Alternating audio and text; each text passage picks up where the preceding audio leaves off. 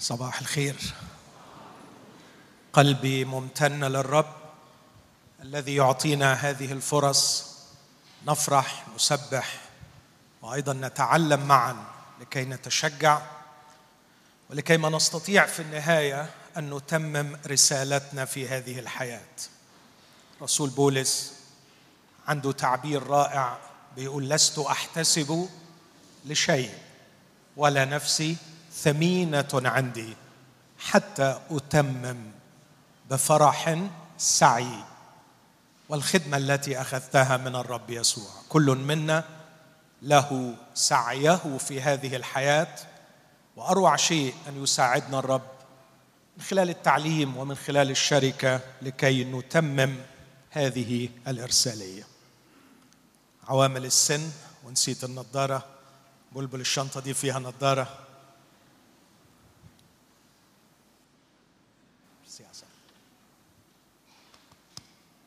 استأذنكم نقف مع بعض وإحنا بنقرأ جزء من كلمة الله. أقرأ من رسالة العبرانيين والأصحاح الثاني. ونحن بصدد استكمال بعض الرسائل التي أعطاها الرب لنا في موضوع الألم. أقرأ من عبرانيين اثنين وابتداء من العدد الخامس. عبرانيين اثنين خمسة. فإنه لملائكة لم يخضع العالم العتيد الذي نتكلم عنه. لكن شهد واحد في موضع قائلا ما هو الإنسان حتى تذكره؟ أو ابن الإنسان حتى تفتقده؟ وضعته قليلا عن الملائكة بمجد وكرامة كللته وأقمته على أعمال يديك. أخضعت كل شيء تحت قدمي لأنه إذ أخضع الكل له لم يترك شيئا غير خاضع له.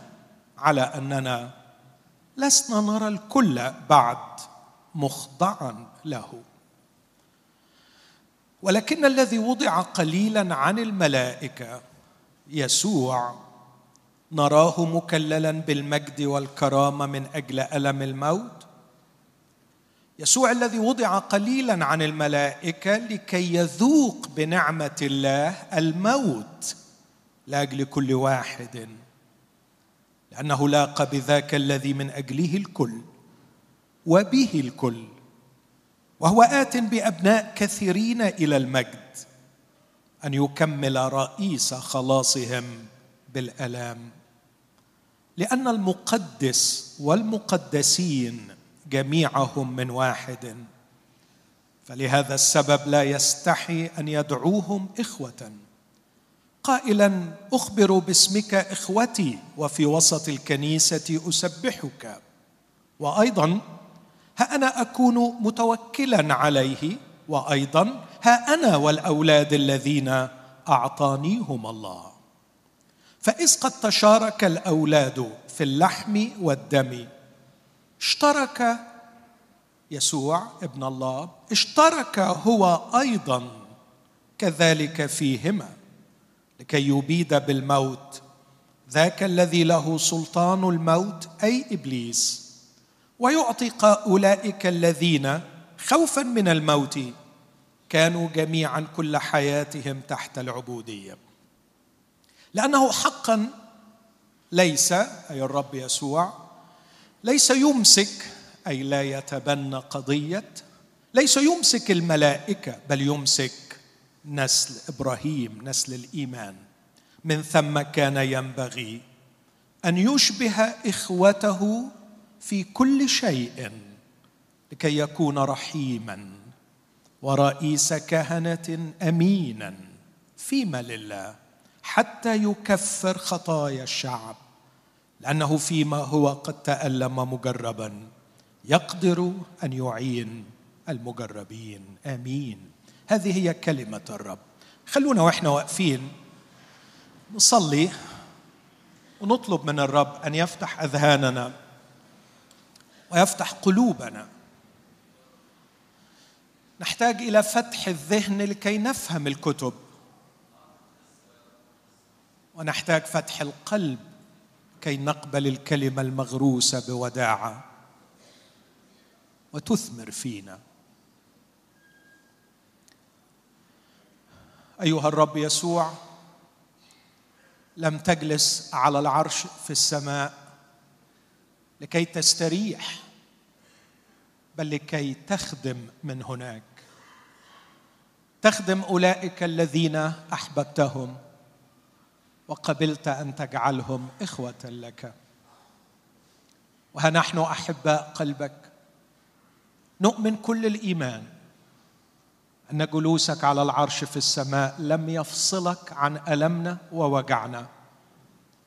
لم يفصلك عن شعورنا بالاغتراب والوحدة وعن احتياجنا العميق لتشجيعك وتعليمك. أيها الرب الحبيب يسوع كما كنت تفعل مع مريم إذ كنت تعلمها أتضرع إليك أن تفتح فاك وتعلمنا. أعطنا أذهانا مفتوحة تفهم ما تقوله لنا. أعطنا قلوبا مخلصة تحتضن ما تقوله لنا. فنتغير. أشكرك لأنك تسمع وتستجيب. آمين. تفضل.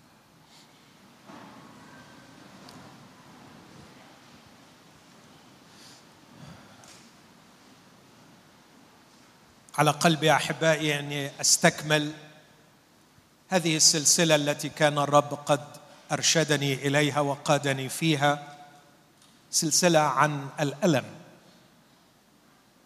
الوجع شيء أصيل في حياة كل واحد فينا. لا تخلو حياة إنسان على وجه الأرض من الوجع.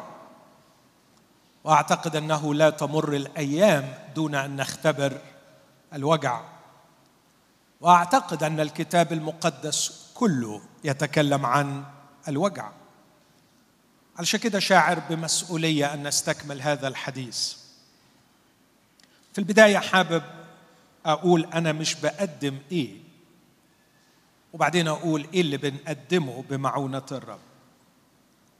أنا لا أقدم حلا سحريا معجزيا للألم. لا أملك هذا. لا أملك هذا. لو أملك أن أسلم جسدي لحريق النار فأزيل الوجع من الآخرين ما ترددت لكني لا أملك هذا ولا أعد بهذا. وأتألم وأتوجع عندما أرى البعض يتاجرون بآلام المؤمنين واعدين إياهم عن جهل أو عن عدم جهل ربما عن إخلاص وربما عن خبث. والكتاب علمنا في رسالة فيليبي الأصحاح الأول أن هناك من يكرزون عن حسد وعن إخلاص. فالكرازة ليست دائما والتعليم ليس دائما بدوافع نقية. علينا أن نضع هذا في أذهاننا. رسول بولس قال الكلام ده في فيليبي واحد. لكن للأسف هناك البعض يتاجرون بآلام المتألمين. يعرفون ضعف المتألم. يعرفون أن الموجوع سهل عليه أن يصدق أي شيء يعده بالراحة من وجعه.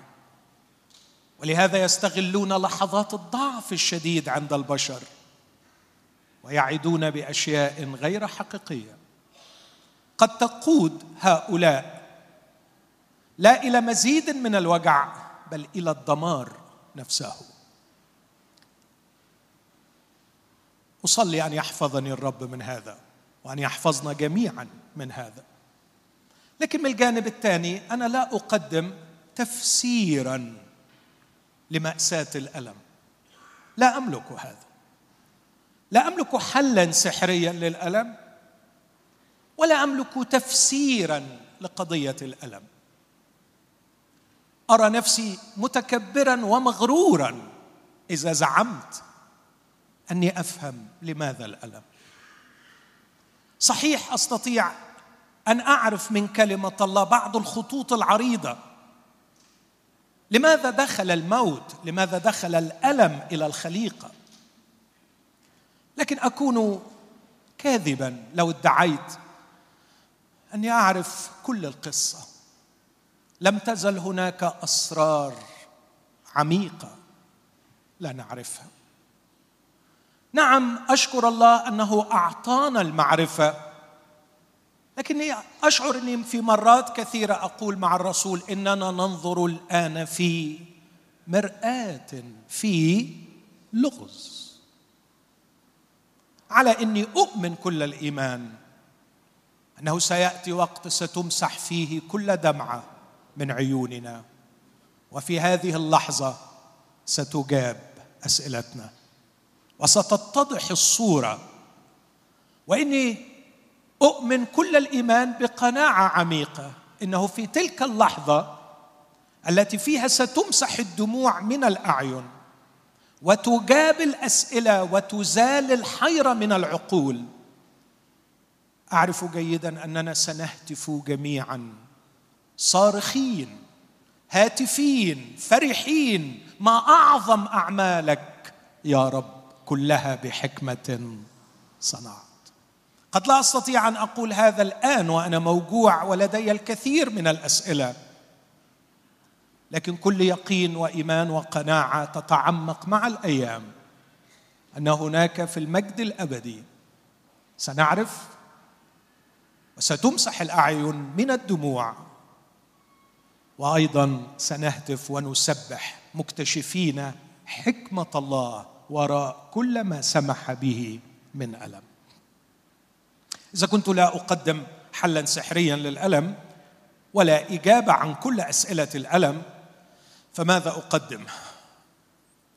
اللي بقدر أقوله في كل مرة أنا شخصيا مقتنع إنه لا يوجد إنسان على وجه الأرض يعيش بدون فلسفة خاصة به يحاول من خلالها أن يستوعب ألمه ويتعامل معه. أقول تاني العبارة دي؟ أسيس سامح لو لقيتني صعب. أقول تاني يعني يعني شاور لي بس. أي شخص في القاعة دي أي شخص من أحبائي اللي بيشاهدونا أي شخص في الدنيا دي بدءا من الطفل الصغير اللي بيتوجع عندما تنتهر أمه وحتى الراقدون على الأسرة في المستشفى والذين في السجون والذين يعانون ذلا وظلما.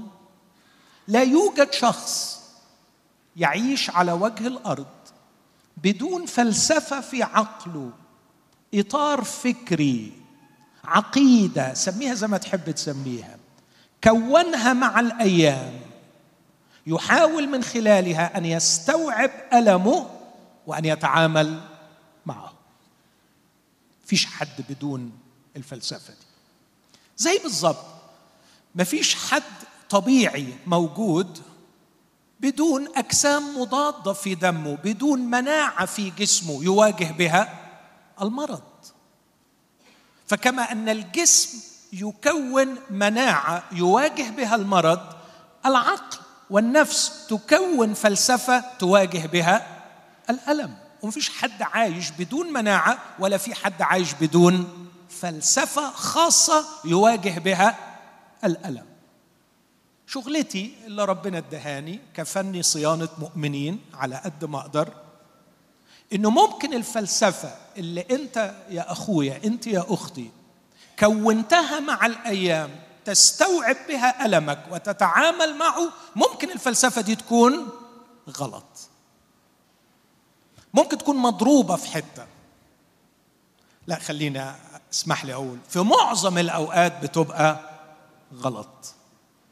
يمكن ربنا يساعدني وأصلي وتصلوا معايا إنه من خلال هذه الدراسة نقدر نصحح نصحح العقل. نتغير عن شكلنا بتجديد أذهاننا. نقبل الكلمة المغروسة القادرة أن تخلص نفوسنا. نعرف الكتب المقدسة القادرة أن تحكمنا. يستودعنا لكلمة الله القادرة أن تبنينا وتعطينا ميراثا مع جميع المقدسين. هذا ما أملكه. أقدم كلمة الله لعلها تنجح. بتقبلك ليها وتعاونك معها وتفاعلك بإخلاص معها. لعلها تنجح في أن تضبط فلسفة عقلك التي تكونت مع السنين والتي من خلالها تستوعب ألمك وتحاول أن تتعامل معه. واضح كده؟ طيب. النقطة اللي بعديها.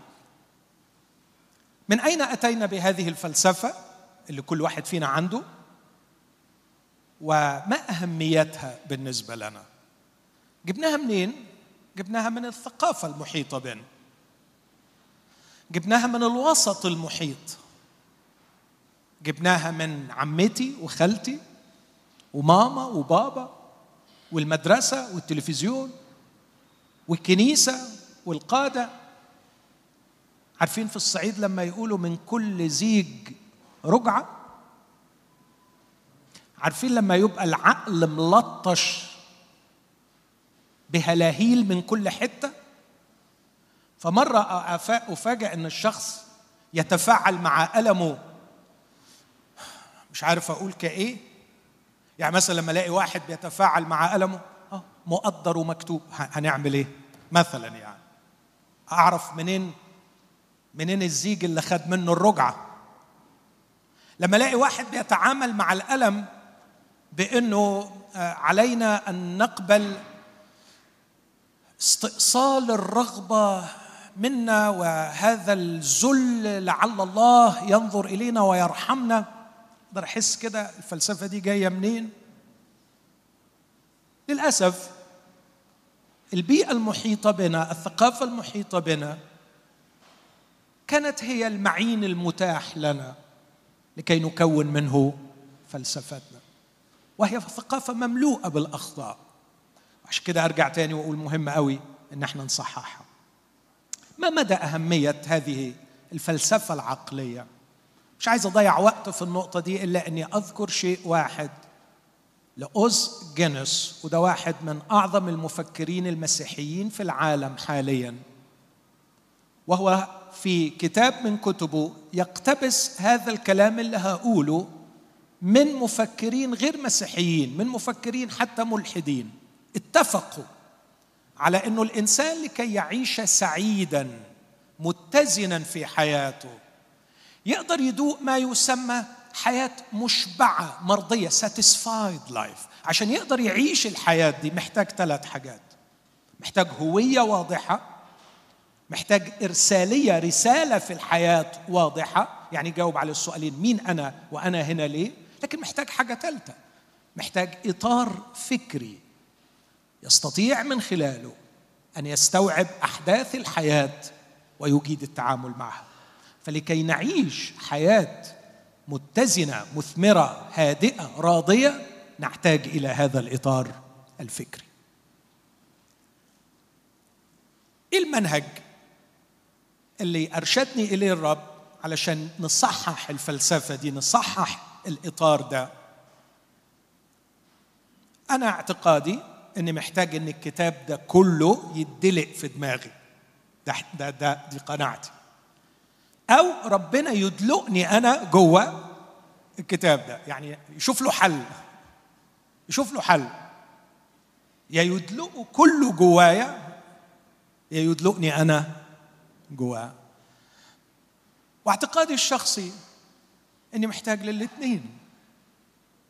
واعتقادي أيضا إني شايف إنه مش هنجح في حياتي. عمري ما هشوف نجاح بعيدا عن كلمة الله. أيضا عبدك يحذر بها. في حفظها ثواب عظيم.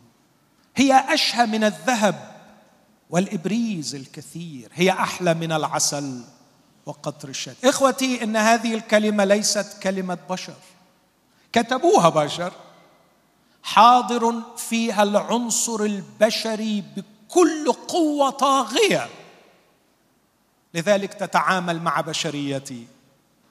لكن في النهاية تكلم أناس الله القديسون مسوقين من الروح القدس. لكي تكون هذه الكلمة لها السلطان الإلهي. لإيجاد حياة ناجحة. قال له لكي تتحفظ للعمل حسب كل ما هو مكتوب في هذه الشريعة لأنك حينئذ تصلح طرقك وحينئذ تنجح. لا نجاح بعيدا عنها المزمور الأول معظمنا حفظه. في المزمور الأول رجل واو على منظره. كشجرة مغروسة عند مجاري المياه تعطي ثمرها في أوان وورقها لا يذبل وكل ما يصنعه ينجح. لماذا؟ لأنه في ناموس الرب مسرته وفي ناموسه يلهج نهارا وليلا. هناك بعض العبارات أو بعض المفردات في اليوناني التي تفيد هذا المعنى. إنه علي أن أنغمس في الكلمة. وأيضا أن تنغمس الكلمة في داخلي. فالكتاب كله أنا محتاجه. أنا محتاج تكوين واحد وقصة الخلق. ومحتاج رؤية 22 ومحتاج اللي بينهم. فكل كلمة من الله نقية. كل كلمة أحتاج إليها. كل الكتاب هو موحى به من الله. ونافع. نافع. وده اللي المفروض نكون بنعمله في اجتماعاتنا إن إحنا نحاول ننغمس في المكتوب ونحاول نقبل الكلمة المغروسة علشان نتغير ونقدر ننجح. لكن لأنه في السلسلة مش هقدر أقدم كل الكتاب فاخترت سبعة قضايا بخط أفقي في الكتاب. أعتقد إن هذه القضايا السبعة على الأقل على الأقل في غاية الأهمية أن يتوقف أمامها كل مسيحي حقيقي. ويتعلم منها شيئا يأخذ منها استبصارا يستلهم منها بصيرة تعينه في استيعاب الألم وفي إجادة التعامل معه. هذه القضايا السبعة هي الخلق والسقوط والقضاء الإلهي والسلطان الإلهي. ثم تدخل الله بعمل الفداء في شخص يسوع المسيح ثم عمل الله للمفديين الآن. كنت بقصرها على عمل المسيح في السماء الآن شفاعته وكهنوته ورعايته لكن رأيت أن اوسعها لأن لقيت الروح القدس شغال. مين اللي اسمه المعزي؟ روح القدس. مين اللي بيشفع فينا بأنات لا ينطق بها وإحنا موجوعين؟ روح القدس. روح القدس ليه شغل عظيم فينا وإحنا موجوعين. أسمع هللويا. يا. نعم أنا موجوع لكن لي أب في السماء يرى وجعي ولي شفيع على العرش يدير كل أمري ولي شفيع في قلبي يصلي من أجلي ويشفع في بأنات لا ينطق بها. اذا هو عمل الله الثالوث. عمل الله المثلث الاقانيم مع المفديين لمواجهة الألم في هذه المرحلة التي نعيشها ما بين التمتع بالفداء وحتى مجيء المسيح الثاني. القضية السبعة والأخيرة هي مجيء المسيح والتي بها لن يكون هناك وجع فيما بعد. في الخلق رأينا أن لا ألم الله صنع كل شيء حسنا. وأعطى الإنسان الحرية. لكن اسمع كمان وأعطاه الوصية التي بها يتجنب الألم. في السقوط أراه يستعمل الحرية ويعصى الوصية فيدخل الألم. وفي القضاء زي ما هبين النهارده شوية سأكتشف أن القضاء لا يعالج مشكلة الشر والألم. القضاء من الممكن أن يقضي على الشر لكنه لا يغير قلب الشرير. ممكن تبيد وتحرق كل المنتجات الفاسدة لكن إذا ظل المصنع موجود المشكلة ما تحلتش. القضاء الإلهي لازم ونافع لكنه لن يعالج مشكلة الشر والألم لأنه قد يقضي على الشر لكنه لا يغير قلب الشرير. لم نرى شريرا تغير قلبه بسبب القضاء الإلهي. ده اللي هحاول ابينه تأتي القضية الرابعة سلطان الله. سلطان الله. خلق سقوط قضاء سلطان والأربعة دول نلاقيهم في سفر التكوين بصورة أبدع من الخيال عبقرية لا يمكن أن تكون عبقرية إنسان لما تشوف إزاي رتب سفر التكوين ليقدم هذه الحقائق. في سفر التكوين ينتهي السفر بأبشع مأساة ظلم إنسان. نرى الألم على أصوله والشر على أصوله من كل النواحي. في قصة يوسف. لكن نفس القصة توضح باجلى بيان سلطان الله على الألم وعلى الشر. يبقى في الخلق لم يخلق الشر والألم خلق كل شيء حسنا. أعطاه الوصية التي بها يتجنب الألم. في السقوط استعمل حريته ليعصى ويدخل الألم. القضاء لم يعالج مشكلة الشر والألم لكن الله له سلطان على الشر والألم ويستطيع أن يخرج من الآكل اكلا ومن الجافي حلاوة ويحول الشر إلى خير. طب وبعدين؟ شاكرين على السلطان بس إحنا موجوعين. يأتي الفداء في شخص يسوع المسيح وده هقف عنده النهارده برضو شوية. وبعد الفداء هنكتشف مع بعض إن المشكلة ما اتحلتش نهائيا كما نتوقع. فقد فدينا واختبرنا روعة الفداء ولم نزل نتوجع. فيأتي عمل الله مع المفديين عمل الآب والابن والروح القدس.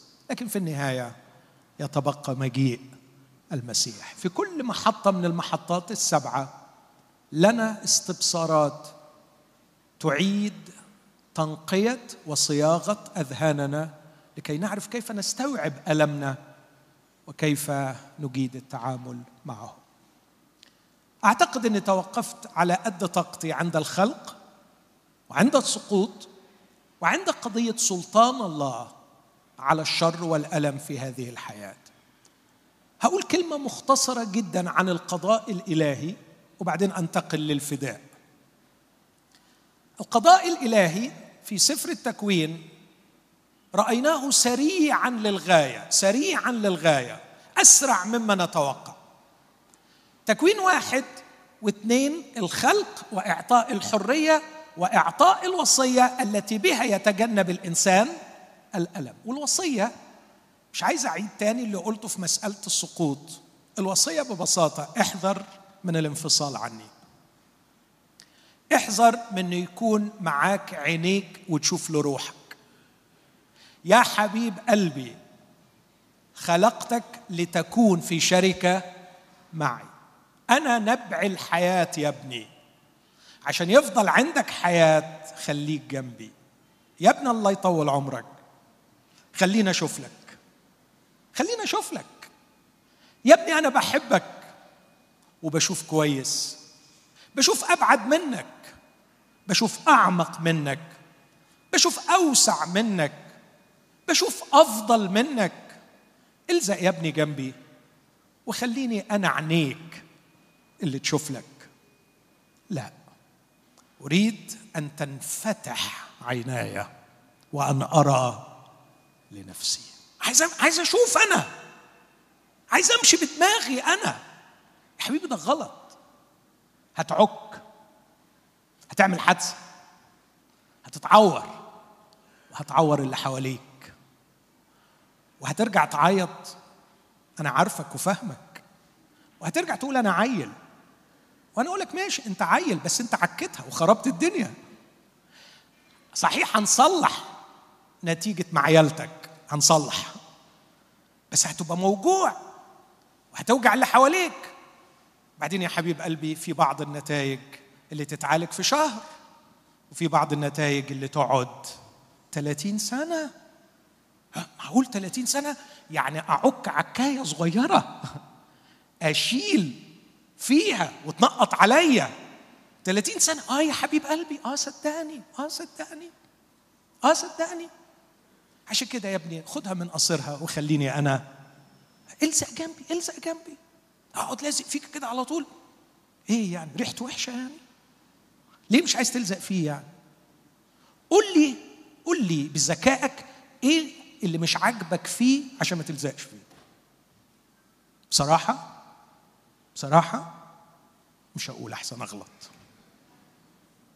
قول لي مبرر واحد يخليك يا محدود ترفض الالتصاق بغير المحدود. واو. آه فيه يذوب ضعفي ويذوب جهلي. ويهرب خوفي. فيه أشعر أني أرتقي فوق المرتفعات. معه وفيه أرى الأشواك تتحطم تحتي وأرى العراقيب تصير سهلا والمعوجات مستقيمة. قل لي مبرر واحد يخليك ما تلزقش فيه. هو ما فيهوش حاجة تخليك ما تلزقش فيه. لكن للأسف أنت أنا في غباء. يجعلني أظن أني قادر على السير بمفردي. تكوين ثلاثة عمل العملة السوداء وقرر أنه يشوف لنفسه. حبيبي دي مش هتبسطك. لا لا لا دي هتبسطك. يا ابني دي هتضرك. لا لا لا لا, أنا هتبسط بيها دي. طيب شيل. تكوين أربعة. تبدأ النتائج. العيلة مفككة. الواد يقوم على أخوه ويقتله. وكل محاولات التعويض باستحداث نظام عالمي من متع مختلفة ما بينفعش. ويظل الإنسان في معاناة. أصحاح خمسة. أكثر أصحاح في الكتاب المقدس تتكرر فيه كلمة موت. فاكرين الأصحاح ده؟ فلان عاش 930 سنة وعمل إيه؟ ومات. وفلان عاش مش عارف 888 ومات. وفلان عاش 600 مش عارف كام وإيه؟ ومات. مات مات مات مات مات. الاصح كله مات مات مات. تعرف ليه؟ أصل هو قال لهم لن تموتا. مين اللي قال كده؟ الكذاب. فجاء أصحاح خمسة ما بيكررش غير كلمة مات مات مات مات علشان يقول إن ده كان إيه؟ ها؟ كذاب. لكن لغاية دلوقتي ودي نقطة أقولها لأحبائي اللي بيفكروا في القضايا دي بعمق فلسفي أكثر هناك فرق بين العاقبة والعقاب. فالخطية لها عواقب لكن لها أيضا عقاب. لأن الخطية ليست مجرد فعل وكأي فعل لابد أن يكون له أثر لكن الخطية كسر لقانون واللي حط القانون ما كانش فيه أي داعي يحط القانون لو ما كانش ناوي يعاقب اللي يكسر القانون. فالخطية لها عواقب لكن لها أيضا عقاب. بقول الكلمة دي لأحبائي اللي بيستكتروا أحيانا أنه في مشروع الفداء يسوع على الصليب.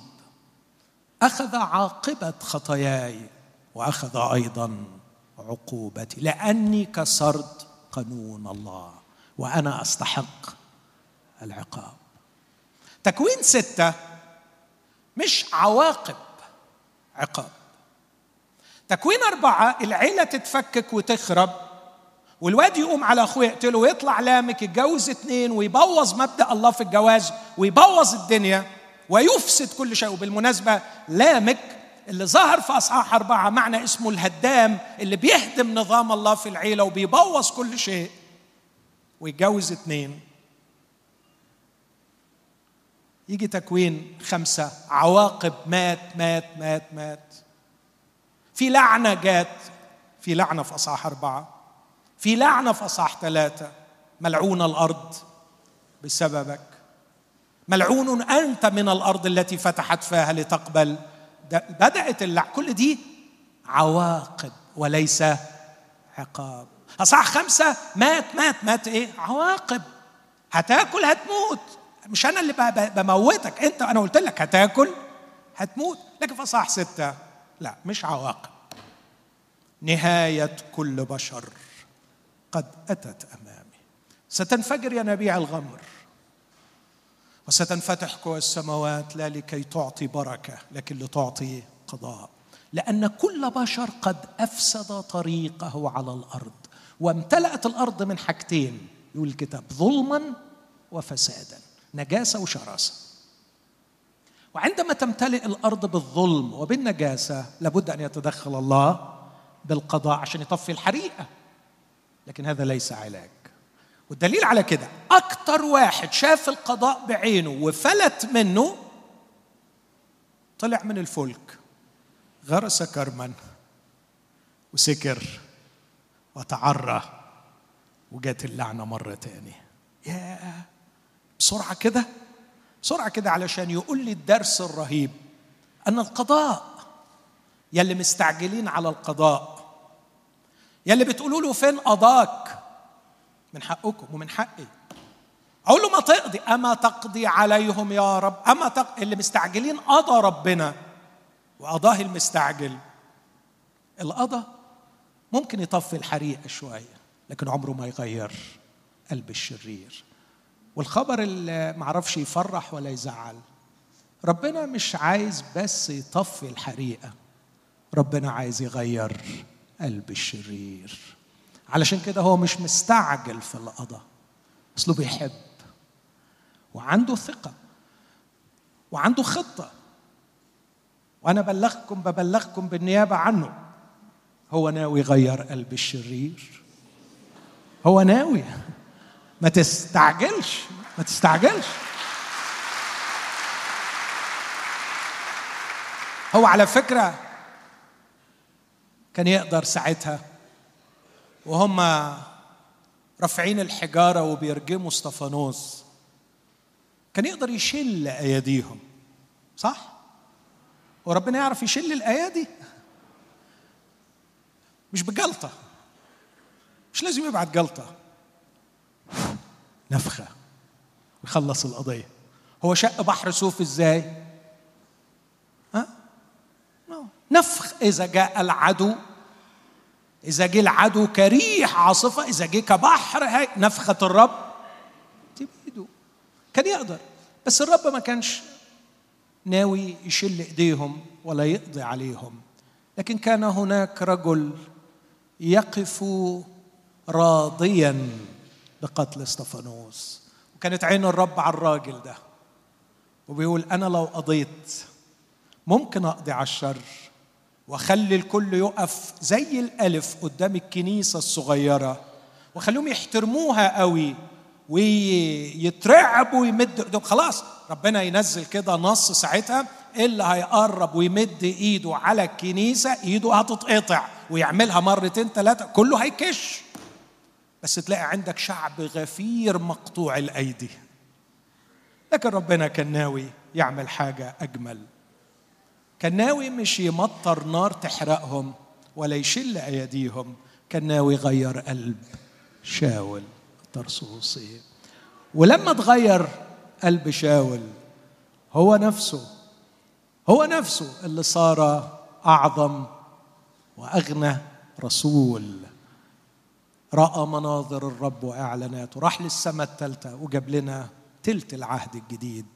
أو تلتين العهد الجديد كتبوا هذا الرسول العظيم. اذا القضاء تكوين ستة جه القضاء يوقف المأساة مش هدخل في إيه حدود المأساة اللي كانت حاصلة في تكوين ستة لكن كفاية إني لخصتها إنه امتلأت الأرض ظلما ونجاسة فساد لكن كمان تكوين 11 قرروا يعملوا حاجة تاني عبادة وثنية مرعبة من خلال بناء برج استطيعوا أن يعبدوا به النجوم فبنوا برجا وبعدين الرب يقول إيه؟ احتراما لحرية الإنسان. اسمع لا يمتنع عليهم كل ما ينوون أن يعملوا. أي حاجة بينوا يعملوها بيعملوها. فلازم أوقف المصيبة السوداء دي. هتوقف بإيه؟ طيب أتدخل بقضاء برضه. بس مش عشان قلوبهم تتغير. القضاء لا يغير القلوب. اللي بيغير القلوب الحب. محبة الله في شخص يسوع المسيح. ليس عمل الله القضائي عمل الروح المحيي الذي يغير القلب. فتدخل وبلبل الألسنة. لكن بعد ما بلبل الألسنة وما عرفوش يعملوا اللي هم بيعملوه اتغيرت قلوبهم؟ لا. واضطر الله يلجأ مش اضطر يعني في مخططه طبعا يلجأ إلى ما نسميه الدعوة. على طول بعد تكوين 11 دعا الرب أبرام أخرج بقى. أخرج وتعالى اتبعني. أخرج من أرضك ومن عشيرتك. اذا باختصار القضاء قد يوقف الشر قد يوقف الألم لكنه لا يغير قلب الشرير. وطبقا لمخطط الله القديم العظيم الباقي إلى الأبد هو تغيير القلب. علشان كده يجي دور الفداء في شخص يسوع المسيح. وهنا أحبائي على قد ما الوقت يتسع أقول بعض الكلمات عن مخطط الله في الفداء من هذه الوجهة بس. كيف هذا الفداء هو الحل النهائي الحقيقي لمشكلة الشر والوجع؟ وكيف نفهم فداء الله لنا في شخص يسوع بطريقة تساعدنا على استيعاب ألمنا وعلى التفاعل الجيد معه؟ أعتقد إنه أصحاح اثنين من رسالة العبرانيين. هو واحد من أشهر وأعظم الأصحاحات التي تتكلم عن مشروع التجسد دخول ابن الله إلى العالم لكي يعالج قضية الألم. لو بصيتوا معايا في النص في عبرانيين اثنين خمسة أرجو أن النص يكون قدامنا يقول فإنه لملائكة لم يخضع العالم العتيد الذي نتكلم عنه كلمة العالم العتيد بالمقابلة مع العالم الحاضر. إذا في عالم جاي. أمين؟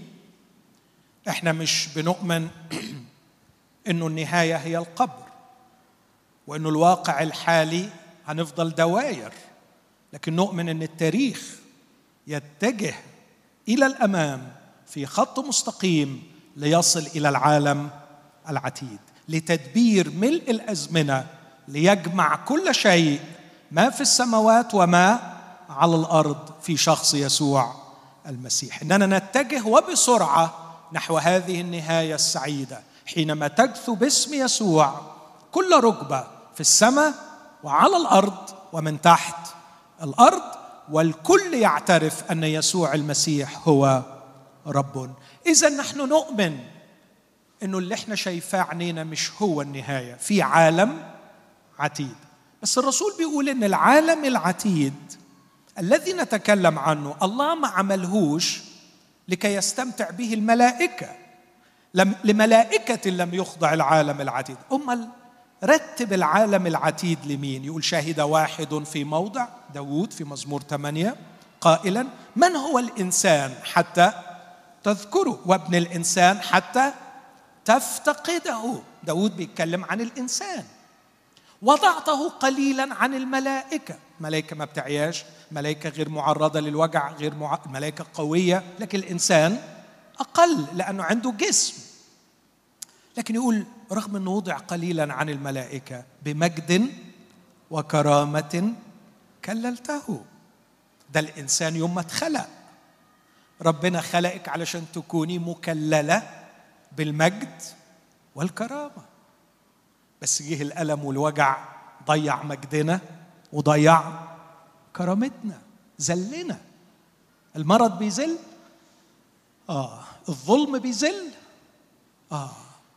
أين هذه الصورة البديعة؟ بمجد وكرامة كللته وأقمته على أعمال يديك. يكمل ويقول أخضعت كل شيء تحت قدمي ويأكد الرسول ويقول لأنه إذ أخضع له الكل أخضع الكل له لم يترك شيئا غير خاضع له. ده الوضع اللي اتخلق فيه ده تكوين واحد واثنين. بعدين يقول على أننا لسنا نرى الكل بعد مخضعا له.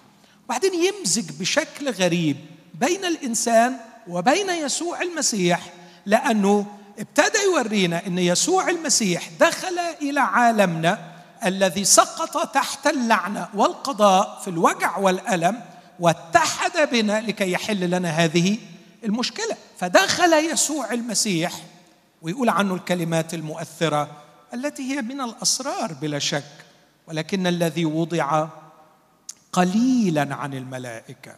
مين؟ يسوع. هو اللي وضع قليلا عن الملائكة في الأول هو الإنسان بتاع مزمور ثمانيه لكن غريبة جدا إنه يتقال عن يسوع وضع قليلا عن الملائكة.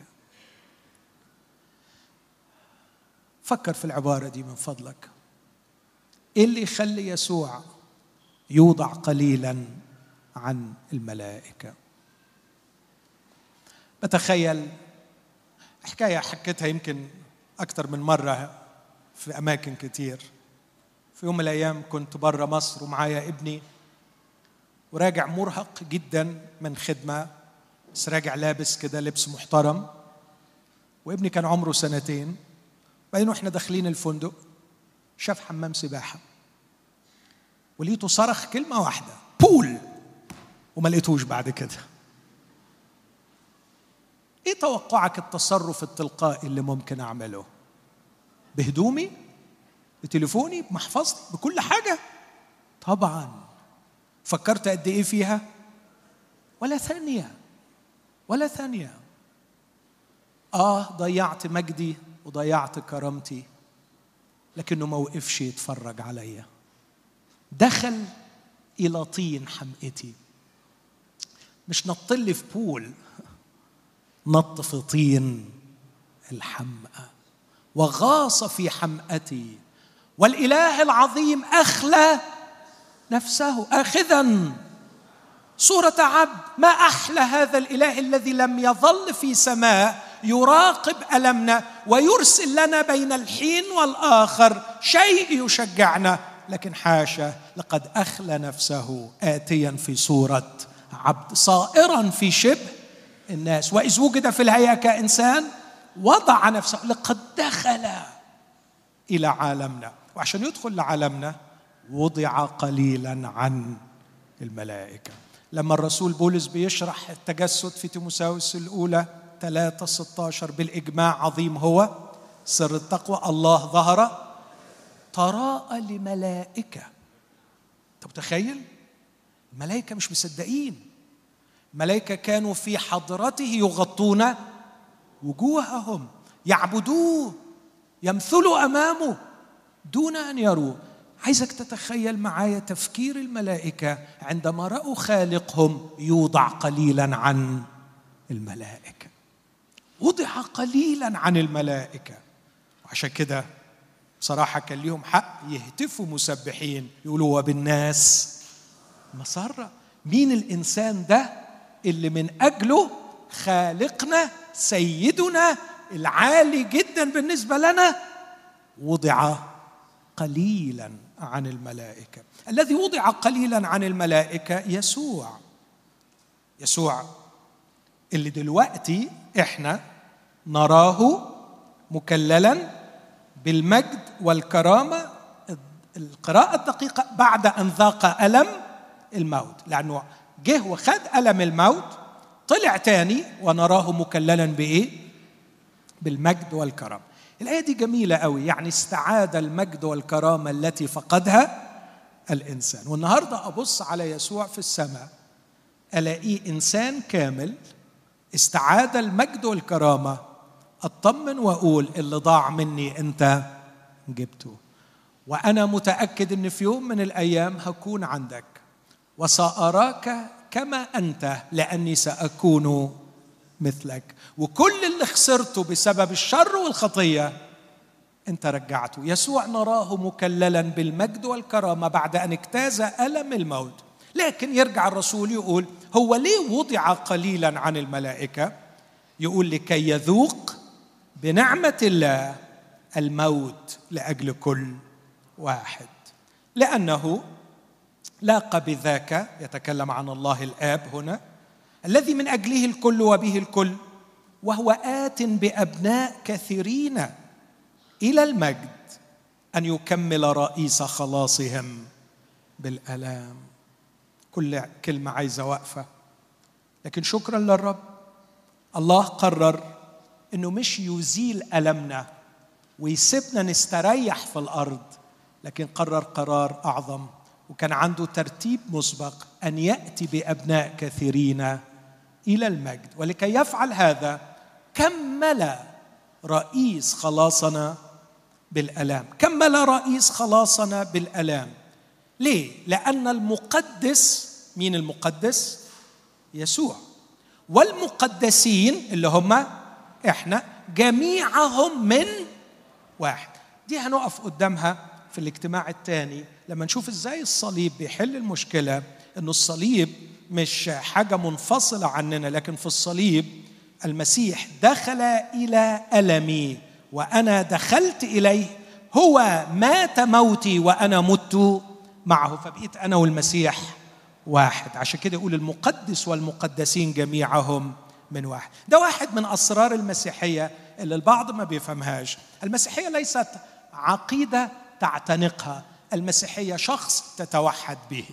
هقول تاني المسيحية ليست عقيدة تعتنقها لكن المسيحية شخص تعمل إيه؟ أه؟ تتوحد معه. فإمتى تبقى مسيحي؟ مش لما تحفظ نصوص مسيحية أو تتولد في عيلة مسيحية لكن تبقى مسيحي عندما تتوحد مع شخص يسوع المسيح علشان تقدر تحط روحك في الآية الجميلة دي وفي القصة دي. المقدس والمقدسين جميعهم من واحد يعني هما الاثنين بقيوا حاجة واحدة صنف واحد نوع واحد. ثم يؤكد هذا الفكر فلهذا السبب لا يستحي مين ده؟ يسوع أن يدعوهم إخوة. لا يستحي أن يدعوهم إخوة. أشعر بالضآلة والصغر الشديد والتواضع لكن أشعر أيضا بالفخر الكبير. يسوع لا يستحي أن يدعونا إخوة. واحد شبهها زمان تشبيه حلو. ملقيش أقوى من هذا التشبيه. فاكرين يوسف لما أخواته جولوا في أرض مصر؟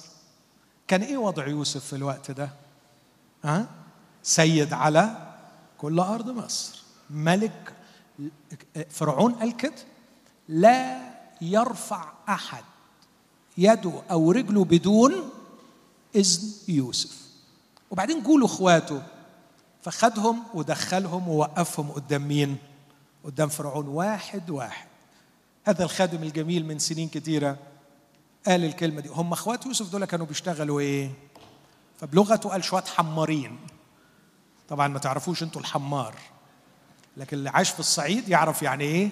حمار. يعني الحمار هو سواق الكاميون بتاع زمان.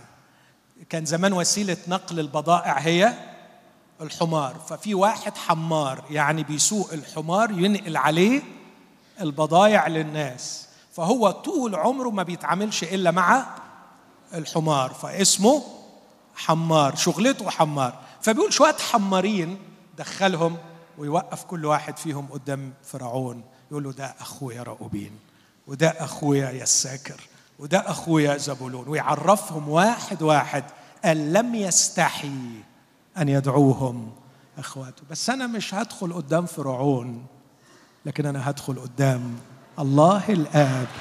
ومين؟ ومين ال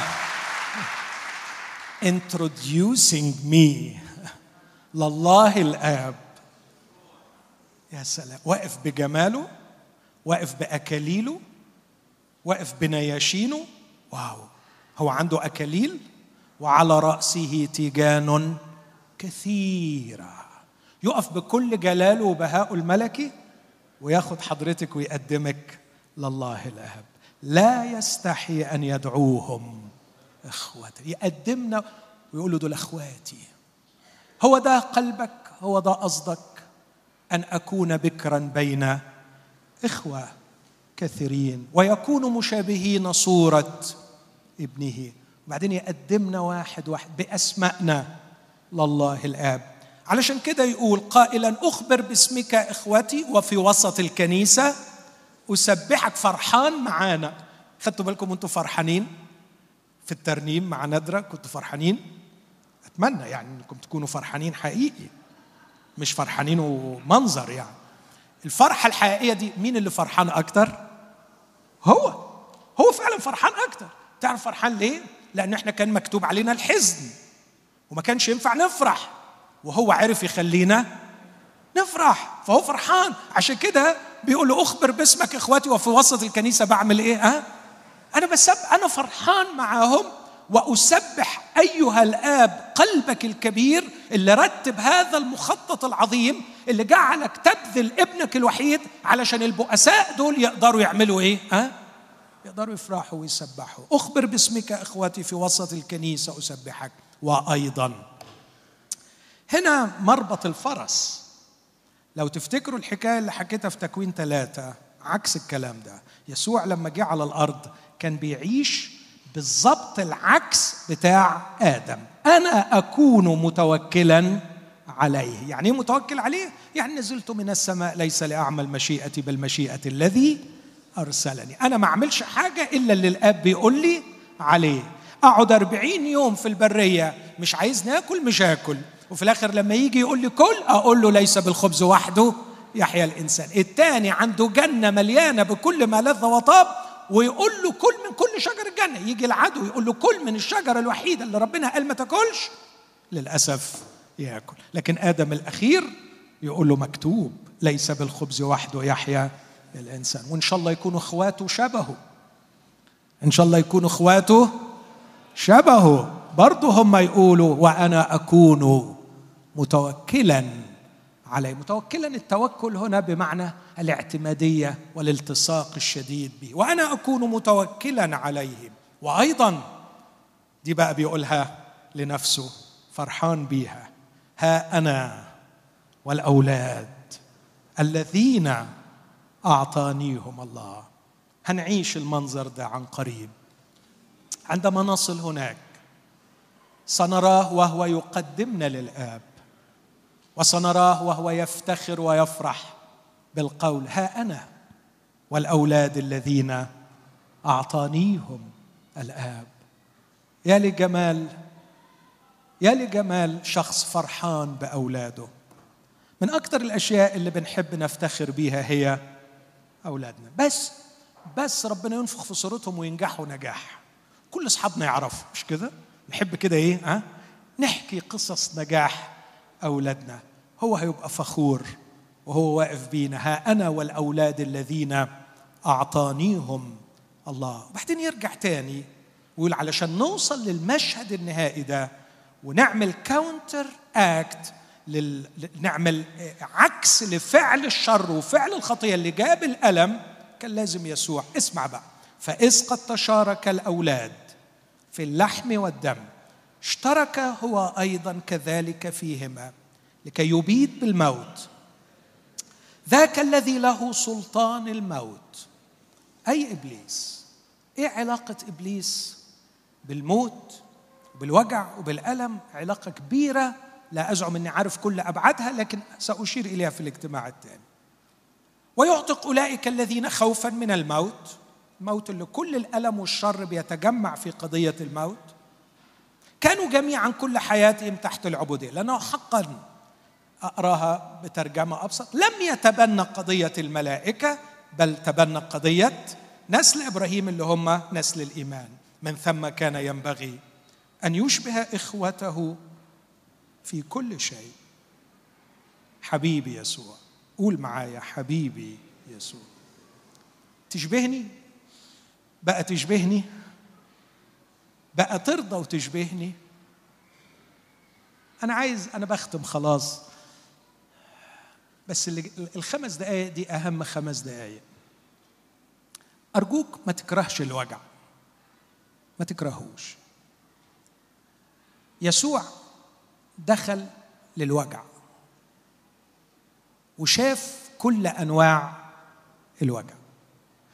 تقول لي إزاي ما اكرهه الوجع وحش؟ أقول لك ما فيش أوحش منه. لا في أوحش منه. في حاجة أوحش من الوجع الشر. الشر. يا ريت تصحح مخك معايا النهارده. الوجع مر لكن ما هواش أوحش حاجة في الدنيا. أوحش حاجة في الدنيا هي الخطية والشر. أقول لك فرق واحد. الخطية بتبعدني عنه. الوجع بيقربني منه. إيه رأيك؟ ده يخليني ما أكرهش الوجع. لكن عليا يا محب الرب ابغضوا الشر مش ابغضوا الوجع ابغضوا الشر. نفسي كده ما نترعبش من الوجع وما نخلطش ما بين الوجع والخطية. مش معنى إنك موجوع إن الرب غضبان منك. مش معنى إنك موجوع إن في حاجة بينك وبين الرب زي ما الثقافة علمتك زي ما أصحاب أيوب قالوا للأسف. قد تكون أقرب الكل إلى قلبه وأنت في وجعك. الوجع الوجع يسوع دخل لكل أنواع الوجع. من ثم كان ينبغي أن يشبه إخوته في كل شيء كل شيء يعني في كل أنواع الوجع اللي شافوه. ليه؟ لكي يكون رحيما. وده سر من أسرار التجسد لكي يكون رحيم يعني هو قبلها ما كانش رحيم؟ أكيد ربنا رحمن رحيم يعني. يعني ربنا من الأزل إلى الأبد رحيم. بس ده سؤال معرفي لاهوتي قوي. كان يعرف أنواع الوجع بتاعنا؟ أعتقد إنه كانت تجسد حتمية يحتمها الحب الإلهي أن يذوق الخالق ما تعاني منه خليقته المحبوبة لقلبه. فقرر أن يتعلم يتعلم الوجع من خلال جسم بشريته علشان يقدر يطبطب عليا ويقول لي أنا حاسس بيك. أنا أعتقد لو جالي حد من كوكب تاني وشافني بعاني من وجع المصران الأعور وبعدين طبطب عليا وقال أنا حاسس بيك أقول له يا شيخ ليه إيش فهمك أنت؟ إيش فهمك أنت؟ لا عندك بطن زي بطني ولا عندك مصارين زي مصاريني ولا عندك مصران أعور ينقح عليك زيي إيش فهمك أنت في الوجع؟ من ثم كان ينبغي أن يشبه اخوته في كل شيء لكي يكون رحيم. رحيما يعني يقدر يدخل في جلدي ويحس بأحاسيسي. ورئيس كهنة أمينا فيما لله حتى يكفر خطايا الشعب لأنه فيما هو قد تألم مجربا يقدر أن يعين المجربين. دي كانت المقدمة للوعظة النهارده. أول جزء في الوعظة في الاجتماع الجاي. بس قبل ما اختم هسأل سؤال بيسألوه احبائي إيه ده؟ يعني عايز تقول إن يسوع لما جه واتجسد ومات حل مشكلة الوجع؟ آه. آه هقول كده وهفضل أقول كده بأعلى صوت لآخر نفس في عمري. أيوه. تقول لي طب هقول لك اعتراض. دخل يسوع إلى العالم والعالم فيه ظلم وفيه مرض وفيه جوع وفيه فقر. وطلع يسوع من العالم والعالم فيه ظلم وفيه جوع وفيه فقر وفيه مرض. فين الخلاص؟ يسوع ما حلش المشكلة. هقول لك سامحني. هذا الكلام ساذج وسطحي للغاية. وقراءة الأمور بشكل سطحي ستحتم على صاحبها البقاء في مأساة حاضرا وابديا. وعلشان كده أدعوكم يا أحبائي إلى كراهية عميقة للسطحية. إذا لم نبغي العمق وأن نفهم الأشياء بعمق لن نستطيع أن نكون مسيحيين حقيقيين. المسيحيه عميقة لأنها من الله. لو عندنا رفاهية تأليف دين كنا عملنا بسيط جدا. بس للأسف لا نملك هذه الرفاهية. ولن نقبلها إذا أعطيت لنا. فنحن لا نؤلف دينا لكن نقبل اعلانا من الله. والإعلان الإلهي ليس بسيطا. اسمعني بقى. هناك واقع حولنا. وركز معايا. هذا الواقع له شقان. شق منظور وشق غير منظور. هذا الواقع له شق مادي ووراه في شق روحي. يعني يعني بص كنت الأسبوع اللي فات في أوروبا وأنزل الصبح أتفرج على البيوت وأشوف المناظر البديعة. فجتني الفكرة دي. قلت كل بيت من دول كان وراه رغبة صح؟ رغبة واحد عايز يبني بيت. ووراه فكرة صح؟ ووراه خطة وراه رسم تقدر تمسك الرغبة؟ تقدر تمسك الفكرة تقدر تمسك الحلم تقدر تمسك الخطة اطلاقا بس بدون الرغبة والحلم والفكرة والخطة البيت ده كان مستحيل يبقى موجود. قل لي أيهما الواقع فيهم؟ البيت اللي طلع ولا الواقع الأصلي هو ما وراء هذا البيت؟ في رغبة في حلم في فكر في إبداع وفي خطة. يعني في في كيان روحي. اجمع الرغبة على الفكرة على الخطة على على على, على. أنت بتتكلم عن كيان روحي.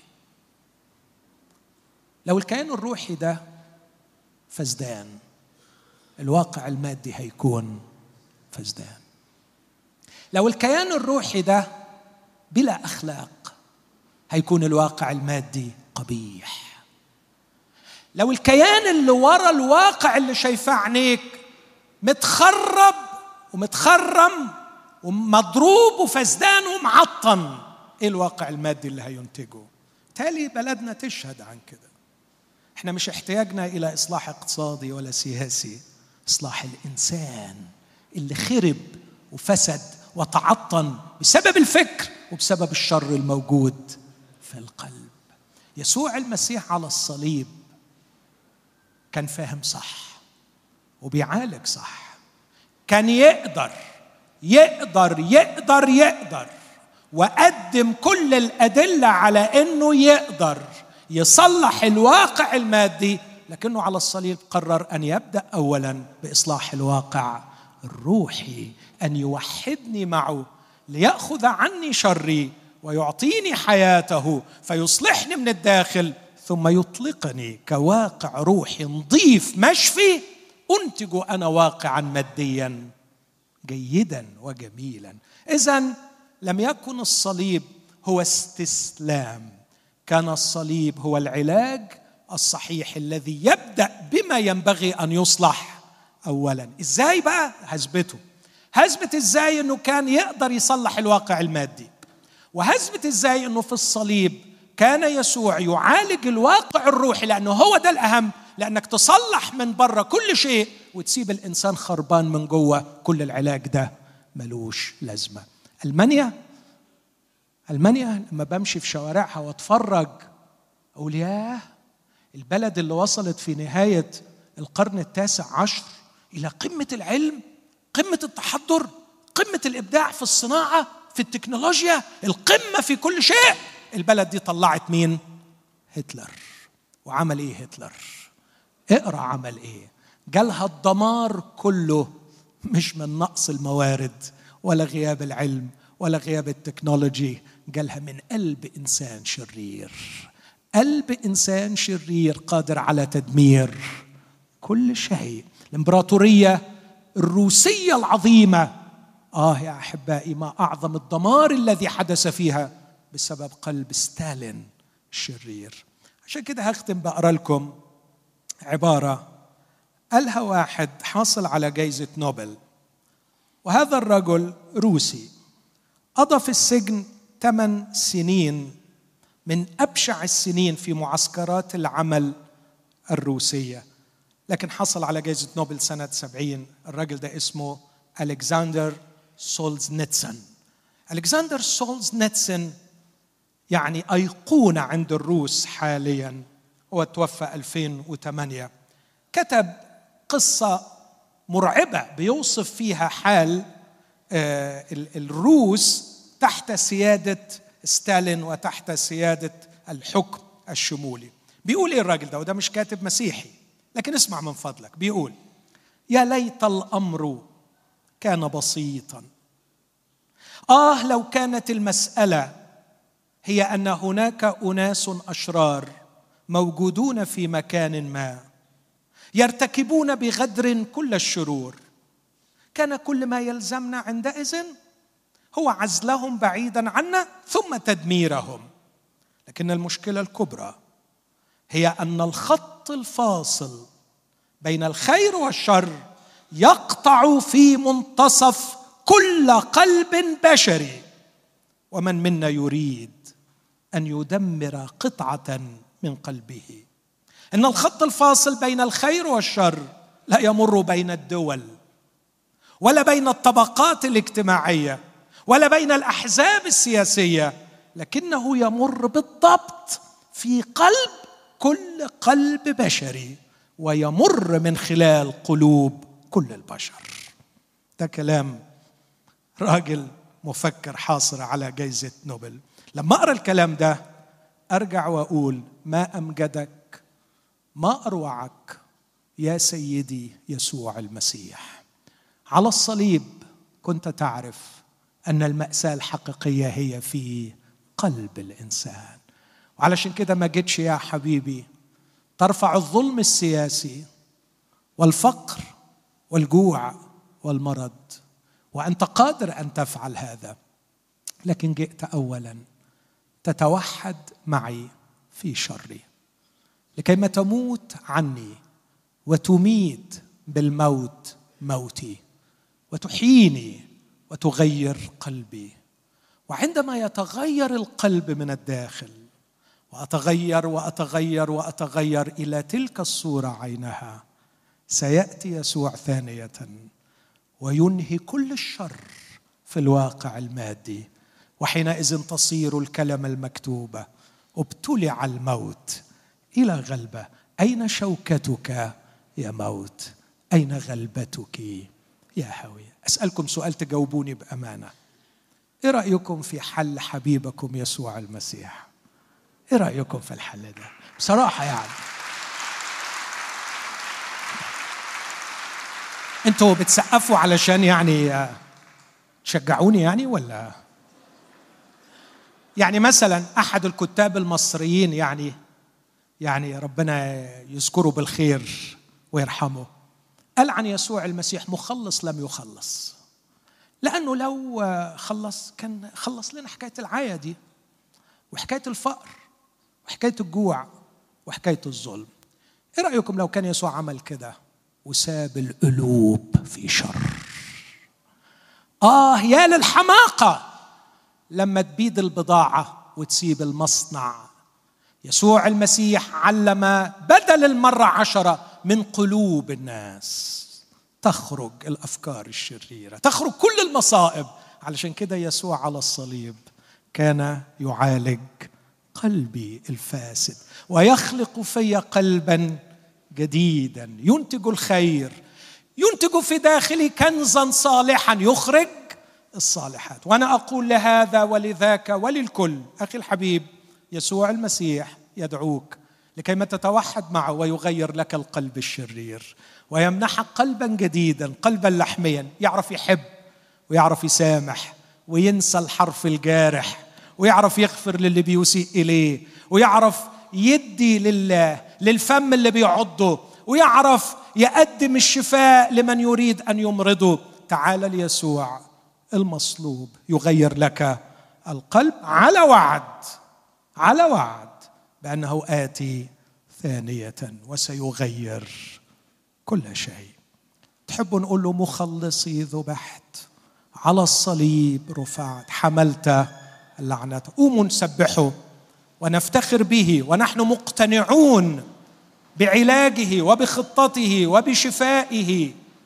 مقتنعين كل الاقتناع. أن المنهج الذي سلكه يسوع المسيح لعلاج مشكلة الشر والألم هو المنهج الصحيح. كان يستطيع أن يعالج الواقع المادي بكلمة لكنه قرر أن يعلق ليعالج علاجا صحيحا. يشفي من الأعماق يشفي ضربة القلب السقيم قبل أن يشفي اللحم والدم. يشفي الروح من قبحها وسقمها. قبل أن يشفي ارضا ضربها الشر وقبحتها اللعنة. جاء يسوع لكي يشفيني من الداخل. خلونا نتأمل فيه ونسبحه. ومن جديد ننحني عند الصليب ونفرح ونفتخر بيسوع وإياه. مصلوبا مخلصي